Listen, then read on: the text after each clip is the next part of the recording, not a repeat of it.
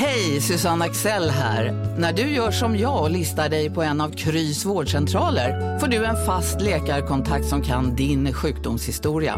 Du får träffa erfarna specialister, tillgång till lättakuten och så kan du chatta med vårdpersonalen. Så gör ditt viktigaste val idag, listar dig hos Kry. Välkommen till Maccafé på utvalda McDonalds restauranger med Baristakaffe till rimligt pris. Vad sägs om en latte eller cappuccino för bara 35 kronor? Alltid gjorda av våra utbildade baristor. Ni är med om det största. Och det största är den minsta. Ni minns de första ögonblicken. Och den där blicken gör er starkare. Så starka att ni är ömtåliga. Men hittar trygghet i Sveriges populäraste barnförsäkring. Trygg Hansa. Trygghet för livet.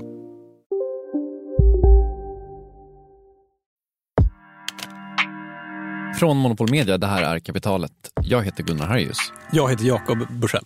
Vill man höra det här avsnittet utan reklam eller bara stödja kapitalet och få tillgång till eh, hela avsnitt och massa härliga grejer så kan man gå in på monopol.se. Vill man inte göra det så tycker jag ändå att vi ska ha någon slags avtal här Jakob. Mm. Som är att då får man nog ge fem stjärnor ändå till den här podden. Eller så många stjärnor man tycker att den förtjänar. Ja, men precis, det tycker jag är bättre. Man, man får ge det så många man tycker att det förtjänar, men att man åtminstone gör det. Ja. För, att, för att man kan ju se på datan att det är väldigt, väldigt många fler som lyssnar än som har betygsatt podden. Ja, det får man lov att säga. Ja. Ja. Så, det, så det är en, en schysst deal tycker jag. Mm.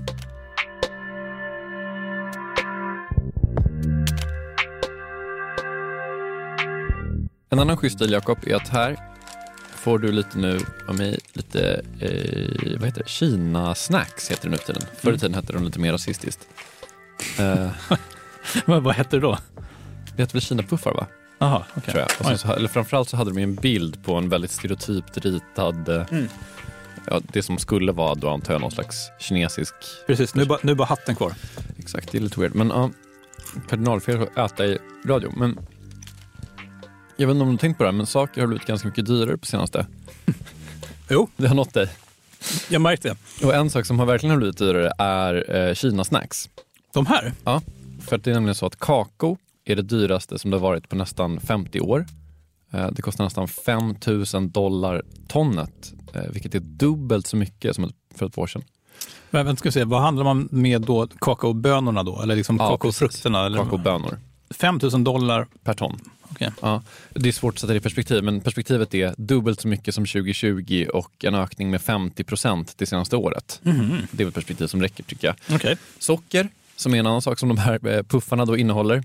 Denna eh, slask-commodity som det numera är. Förr i tiden eh, antar jag att man hade krig över socker. Numera så skänker man i princip bort socker. Tills nu då, för nu måste man plötsligt börja räkna med att socker är en råvara som faktiskt kostar saker. Eh, Priset på socker har nämligen tredubblats sedan 2020.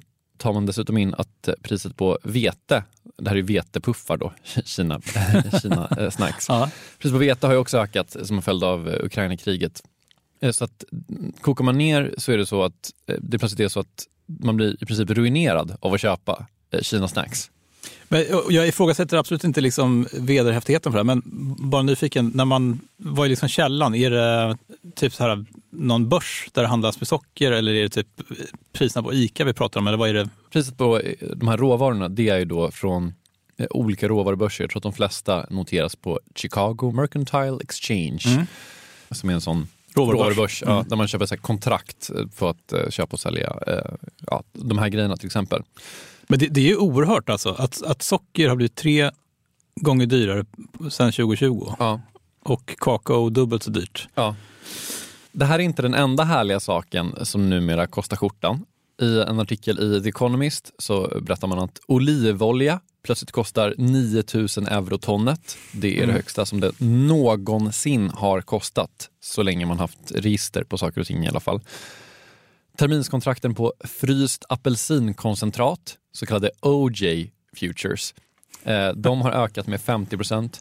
Och kaffe, som är den andra saken som vi har på bordet just nu, världens näst mest handlade vara, den anses ha kommit undan billigt. För att den har nämligen bara eh, stigit i pris med slappa 44 procent. Wow. Även andra härliga saker som inte är terminsnoterade och därför betydligt svårare att få en överblick över har blivit dyrare. Jag har varit inne ganska mycket på olika fruktexportsidor och noterat att eh, mango till exempel är svindyrt just nu. Eh, vissa länders mangopriser har stigit med 50 procent.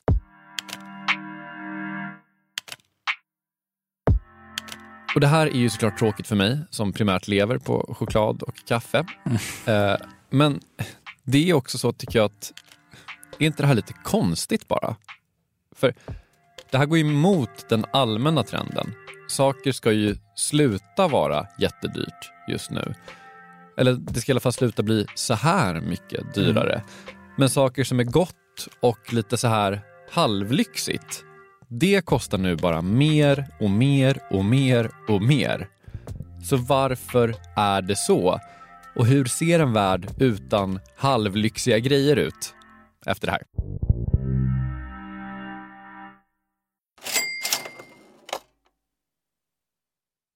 Kapitalet sponsras av SPP och Storebrand Asset Management. Eh, Storebrand och SPP hör ju ihop sedan många år och utan att gå in på några detaljer här och nu så kan vi i alla fall säga att eh, Storebrand förvaltar över 1200 miljarder kronor bland annat åt just SPP. Och du har ju träffat Storebrand, Jakob, och pratat om eh, Kina Ja, eh, vi, vi pratar i alla fall om hur Kina blivit en sån otroligt viktig del i omställningen av energisystemet. Eh, över 70 procent av värdekedjorna inom vind och solkraft kontrolleras av Kina, vilket mm. är otroligt när man tänker på det. Ja.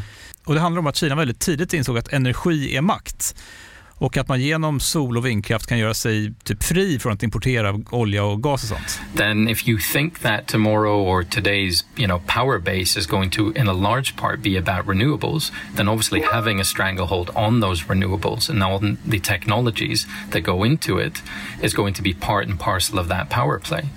Eh, det här är då Philip Ripman som ansvarar för Storbrand Global Solutions, eh, en fond som investerar i lösningsbolag över hela världen. Mm.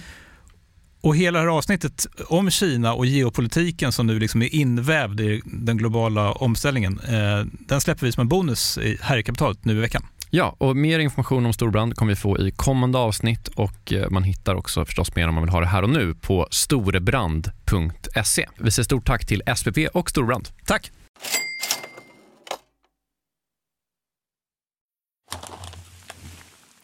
Jakob trycker in en eh, mun Kina-snacks. Står det på bordet mm. så ja, gör det. Nej, så är det faktiskt. Eh, goda och lite sådär halvlyxiga saker har blivit dyrare. Vad är det som har hänt egentligen, Jakob? Det här går ju emot eh, alla inflationsmönster. Ja, men en intressant grej som, eh, som jag reagerar på när du berättar de här sakerna, det är att det har varit mycket prat om så här sneakflation. Man tänker att priserna går upp överallt och då passar ICA-handlarna på att höja priserna. Men det här har ingenting med liksom handeln att göra. Det här är priserna vid, typ, vid, vid, vid källan. Ja. Exakt, och svaret på frågan vad som har hänt vid källan, det är då att well, massa saker har hänt. Det som inte har hänt, som har drivit upp priserna, det är att folk plötsligt är väldigt mycket mer intresserade av kakao, socker, olivolja och mango. Även om eh, jag hittade en artikel om att det finns en oerhörd ökning i efterfrågan eh, på mango i Marocko. De är mangotokiga där borta just nu. Mm, och kul. Det är ganska gott. Ja, det är gott med mango, visst. Eh, men generellt eh, så är det här då inte en efterfrågechock eh, utan det är då en utbudschock. Och utbudschocker är vi ju generellt väldigt, väldigt dåliga på att hantera i våra ekonomier så det är inte så bra nyheter. En ännu sämre nyhet det är att de här utbudschockerna de kommer nog bara bli fler och fler och fler. För om man ska summera vad det är som har hänt med kaffe och kakao, olivolja och apelsiner och mango så är det väder. El Niño, känt väderfenomen, vädermönster pratar man om ibland att det är. Mm. Den har orsakat torka i Australien, och Thailand och Indien eh, som producerar, eh, jag tror att det är tre av världens fyra främsta sockerproducenter. Det, det, här är någon grej som kommer tillbaka, för jag minns typ från när jag var liten att El Niño var sånt här, något man pratade om på nyheterna och det var storm, stormar och sånt. Ibland är det väl också en super El Niño eller något sånt där. Men, hur, hur, ofta är det El Niño? Jag kommer inte ihåg, men det, jag är mycket är jag, men inte meteorolog. Ja, men det här har ju gjort att eh, socker har blivit väldigt mycket dyrare för att plötsligt är det torka i alla länder som producerar socker. Och mango för övrigt producerar alla de här länderna också. Jag såg en artikel som var Kanske kommer vi ha mango på hyllorna i jul i Australien. Tänkte jag. Är det, är det, har, finns det liksom mangotraditioner i eh, mm. australiensiska jular? Eh, dessutom har det då blivit oerhörda regn i Brasilien som har påverkat kaffeproduktionen. Eh, men det har också regnat så mycket i Brasilien att man har liksom aktiva problem med frakt av i princip alla varor. Så att allt blir dyrare av att det regnar. Dessutom så har det varit orkaner i Florida som eh, ju då producerar väldigt mycket apelsin. 10% av alla apelsinträd i Florida är förstörda. Oj! Och eh, det är ju en grej med det här med efterfrågechocker när de har skadats på det här sättet. Alltså, det kan ju ta flera år innan mm. ett apelsinträd bär frukt igen. Det är ju liksom en av anledningarna till att vi är väldigt dåliga på att hantera den här typen av, av saker. Det tar olika lång tid för olika, eh, olika typer av apelsiner men det kan ta mellan ett och sex år innan ett apelsinträd bär frukt. Mm. Då blir det väldigt svårt för marknaden att balansera utbud och efterfrågan. För att det kan liksom... Ja, och sen, jag ska inte göra det här till en, en debatt om, om, eh, om, typ inflationen i Sverige, men det, man känner ju inte direkt att det är så här, ah, nu höjer vi räntan eh, för att få bukt på att 10 eh, av alla apelsinträd i Florida har, har gått under. Olivolja, eh, det är någonting som framförallt Spanien producerar. De producerar nästan all olivolja. Eh, där har det varit bränder och torka. 2023 eh, så hoppades man kunna producera lika mycket som 2022. Vilket låter bra, förutom att 2022 var ett historiskt pissår och eh, vissa typer av olivolja, eh, spansk olivolja, har ökat i pris med 150 procent. Mm -hmm. Och som du är inne på då, så är det väldigt svårt att anpassa sig eh, till de här sakerna man kommer väl anpassa sig förr eller senare, tänker man. Men man kan ju liksom odla runt det här lite grann. Men eh, det finns vetenskapsmän som, och även ekonomer som tänker att om det nu ska vara orkaner och torka varje år, vilket ganska mycket tyder på att vi numera har, i något läge så tröttnar man nog på att odla apelsiner i Florida och ser sina träd blåsa bort. Eller odla oliver i Spanien och se dem torka bort. Eller så blir det bara tråkigt att betala försäkringspremierna, för jag antar att de går också upp. De går upp, upp, upp, upp. Dessutom så finns det saker som vi människor gör lite mer direkt eh, som påverkar priserna på de här grejerna. Eh, The Economist skriver att det nu kommer en EU-lag som ska begränsa avskogning. Det är liksom målet med den. Vi ska inte importera varor som påverkar avskogning i andra länder. Det är jätte, jättemycket nya regler, eh, sådana här regulatory costs, alltså bara så att, att anpassa sig att man följer de här reglerna är svindyrt. Det gäller då framförallt kakao och kaffe och palmolja. Så att man får räkna med att de här priserna kommer stiga ytterligare om någonting. Och så finns det ytterligare en grej, om man tar kakao som exempel, om vi går tillbaka till våra Kina-snacks. Eh, det producerar man framförallt i Elfenbenskusten, men även i Ghana. Och där har man eh, fasta priser på kakao som är så här, satta av typ regeringen. Och just nu så är det så att man går back på att eh, sätta nya kakaobuskar. Så att man kommer inte anpassa produktionen i världens mest kakaoproducerande land. så att summan av kardemumman, om vi tänker att det är dyrt nu, det är inte jättemycket som tyder på att det inte kommer åtminstone bli så här dyrt någon gång igen. Men, men du, eh, framgår det typ av de här källorna som du tar del av i vilken utsträckning leveranserna är en del av priset? För, för minns du att det var en episod där för något eller ett par år sedan då var det gas eller olja plötsligt hade ett negativt pris i USA? Ja. Gas va? Ja, olja, en typ av olja också. Just det, Oklahoma. Texas, ja, Oklahoma var det. Ja, precis. precis. Ja. För, för, för då var det också så att det lät ju typ bra att det var negativt pris, var billigt, men då måste man hämta oljan i Oklahoma. Det var ju, liksom, det var ju, ett, var ju så leveransvillkoren i det här kontraktet såg ut. Exakt, och det det var då var väl att det var dyrare att förvara oljan i Oklahoma. Alltså lagerplatserna kostade mer än vad efterfrågan var. Ja, för det var fullt där borta. Exakt. Men för det, det skulle kunna vara en aspekt här också, nu när det blir så mycket såna här det är så struligt i Suezkanalen och sånt och, och, folk måste köra runt hela Afrika med, med lasten. Att om, om liksom även leverans, leveranserna ingår i priserna. Det gör de nog förvisso inte, men om de hade gjort det så, så skulle det liksom spä på priserna mot konsument ja, ännu mer. Ja, de ingår ju inte i de här priserna som vi pratade om nu. Alltså, det är ju rena råvarukostnader. Eh, däremot så ingår de ju såklart i slutpriset och eh, vi, pratade ju om problemet i Röda havet och eh, Suezkanalen och sådär för några avsnitt sedan. Och då pratade vi om kanske en halv procent hit, en procent dit och de, jag pratade med då försökte trycka ner det här, eh, mm. den här betydelsen. Senast jag läste var, ja, vi får nog räkna med att det här kanske är 2 procents inflation, eh, mm. det som pågår i Röda havet just nu.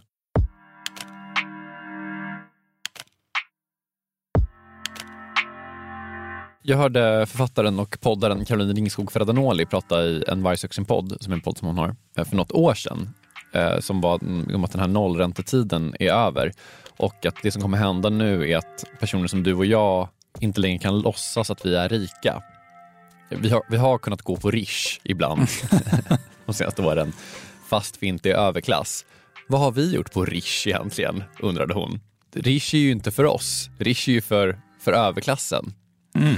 Och eh, det är då så här att sådana här klassiska lyxvaror, alltså saker som var lyx för hundra år sedan, choklad, olivolja, kaffe, apelsiner, att det blivit dyrare, det förstärker det här på något sätt. Alltså jag menar klimatmässigt så är det ju inte rimligt att jag kan köpa apelsiner året runt i ett land där det växer apelsiner exakt noll dagar om året.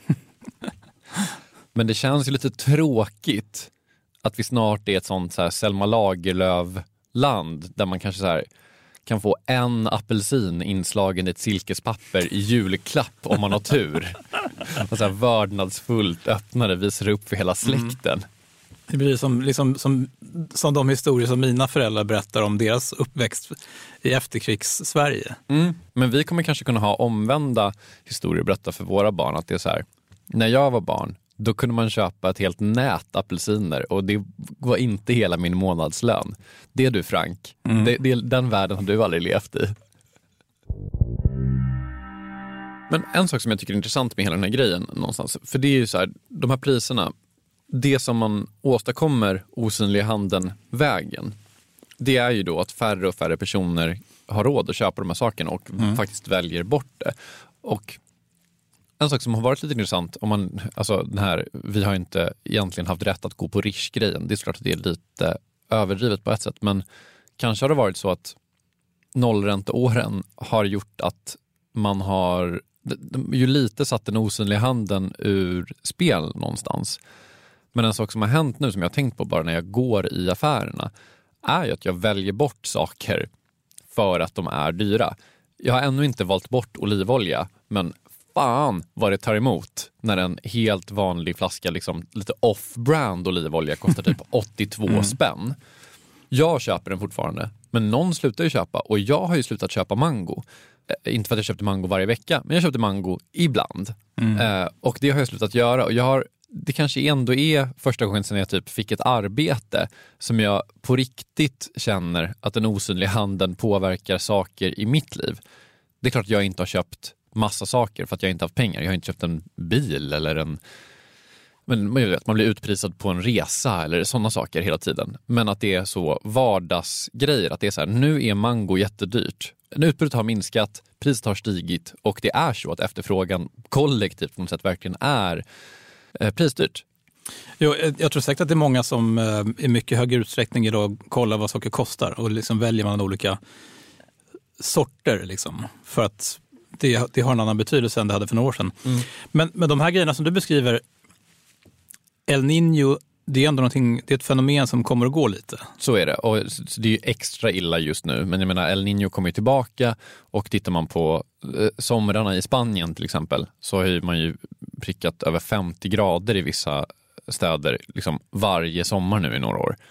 Och, och det är ju nästa grej då, för att då kan man tänka sig att det här är lite försmak av hur det skulle kunna bli ett, i en värld som är mer ansatt av klimatförändringar. Ja, och att det är den här typen av råvaror som kanske kommer bli mycket svårare att odla och, och att utbudet kommer vara mer volatilt eller min- minska till och med och att det blir helt enkelt blir permanent dyrare över tid. Ja. Jag, jag vet inte, men det, men det låter ju rimligt. Under andra världskriget i Sverige så hade man ju så olika vad heter det, kaffesurrogat som man ersatte kaffe för att det var brist på kaffe. Man fick bara köpa en viss mängd kaffe. Vad, vad innehöll de? Ja, men det var ju då eh, typ råg, det kunde vara eh, maskros, malda fikon, ekollon, dadlar, lupiner, johannesbröd. Med lite, sk- lite skummad havremjölk till det då? Ja, nej, men så investeringstips då, det är väl helt enkelt att de ska investera i Swedish maskros. För snart kommer man inte ha råd att dricka ka- helt vanligt, en, en helt vanlig kopp svart. Köp på er så mycket maskros ni bara kan så ska, vi, ska nog, eh, liksom, ni kunna hedga er mot den här kommande fruktansvärda krisen som vi alla går in i.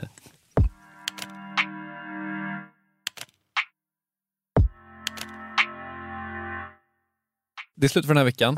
Eh, vi är tillbaka igen på måndag. Då ska vi utse världshistoriens bästa ekonom, Jakob. Spännande. Vilka kandidater har vi? Eh, de vanliga ungefär. Mm. Ja. Okej. Men vem är bäst? Värt att tänka på ändå.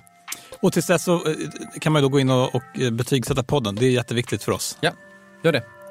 Eh, stort tack för att ni har lyssnat. Jag heter Gunnar Harrius, du heter Jakob Bursell. Kristoffer Krook har mixat. Eh, hej då! Hej!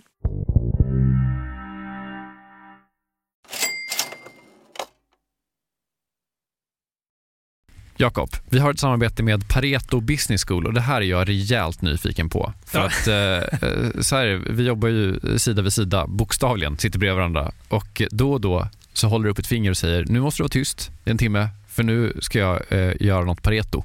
Exakt. Ja. Eh, Jag gillar ju att lära mig nya saker, det gör ju många journalister. Eh, Så den här våren går jag då en åtta veckor lång så kallad mini-MBA. Eh, Alltså jag hade gärna gått riktig MBA också, men, men ja, jag har inte tiden det kräver och, och framförallt ingen arbetsgivare som vill betala 800 000 för att låta mig göra det. Nej, eller kanske du har, du är ju arbetsgivaren. ja, snål, snål arbetsgivare. Mm. Eh, det- eh, Det är då Jens Bäckbom och Mattias Eklöf, två svenska entreprenörer som har skapat den här utbildningen just eftersom det finns ett gigantiskt hål mellan typ YouTube-filmer och en, en riktig MBA. Ja, och det här är då Pareto. Exakt, Ja. Pareto MBA. Eh, Paretos utbildning kostar cirka 25 000 kronor och, och under åtta veckor så lär man sig jättepraktiska och tillämpbara modeller för hur man startar, skalar upp, driver och säljer bolag. Eh, Jens och Mattias eh, de håller själva i många föreläsningar. De är garvade entreprenörer båda två. Mm. Och så har man så olika gästföreläsare som kom in. Mm. Typ någon kille som, som eh, var expansionschef på Spotify, någon som körde marknadsföring på Revolut, en kille som driver Sveriges största campingkedja, Mm. som har varit med i kapitalet faktiskt, Johan Okej. Sör. Ja. Ja, just det. Också varit en helt otrolig svensk eh, entreprenör som byggt massor med grejer i Vietnam. Alltså makalösa berättelser. Ja, wow. Eh, så den här kursen består av en blandning förinspelade moment och seminarier, men man går också i då så här kohorter tillsammans med andra deltagare från Sverige och utlandet. Jättenyttigt, eh, eh, tidseffektivt och funkar jättebra för, för den som vill driva egen verksamhet som, som typ vi gör här. Eller om man typ driver projekt och affärer i större bolag. Wow. Om man är taggad på att eh, bli en del av den här, liksom, vad ska man säga, Jakob Bursell-skolan, om man vill bli som dig, lära sig lika mycket som, som du har lärt dig, vad, Ja. vad gör man då? Eh, Nästa kursstart är 5 april. Eh, Så vill man ta ett kliv framåt i sin utveckling eller karriären eller så, gå då till arbetsgivaren och kolla om du inte kan gå den här utbildningen. Priset ligger alltså på 2500 euro, men ni får 10% rabatt om ni anger Monopol Media som referens när ni eh, gör er anmälan. Mm. Eh, Man kan också gå in på paretoschool.com för att eh, läsa mer och ja, se lite smakprover från själva utbildningen. Då. Mm. Så att eh, man sparar jättemycket pengar i för att gå Handels MBA och man sparar ytterligare pengar om man tar del av eh, Monopol Media-erbjudandet. Ja, exakt. Ja, en no-brainer som vanligt. Plus att man blir ju eh, alumnkollega med mig då. Verkligen. Så stort, stort tack till eh, Pareto Business School och eh, gå in på paretoschool.com.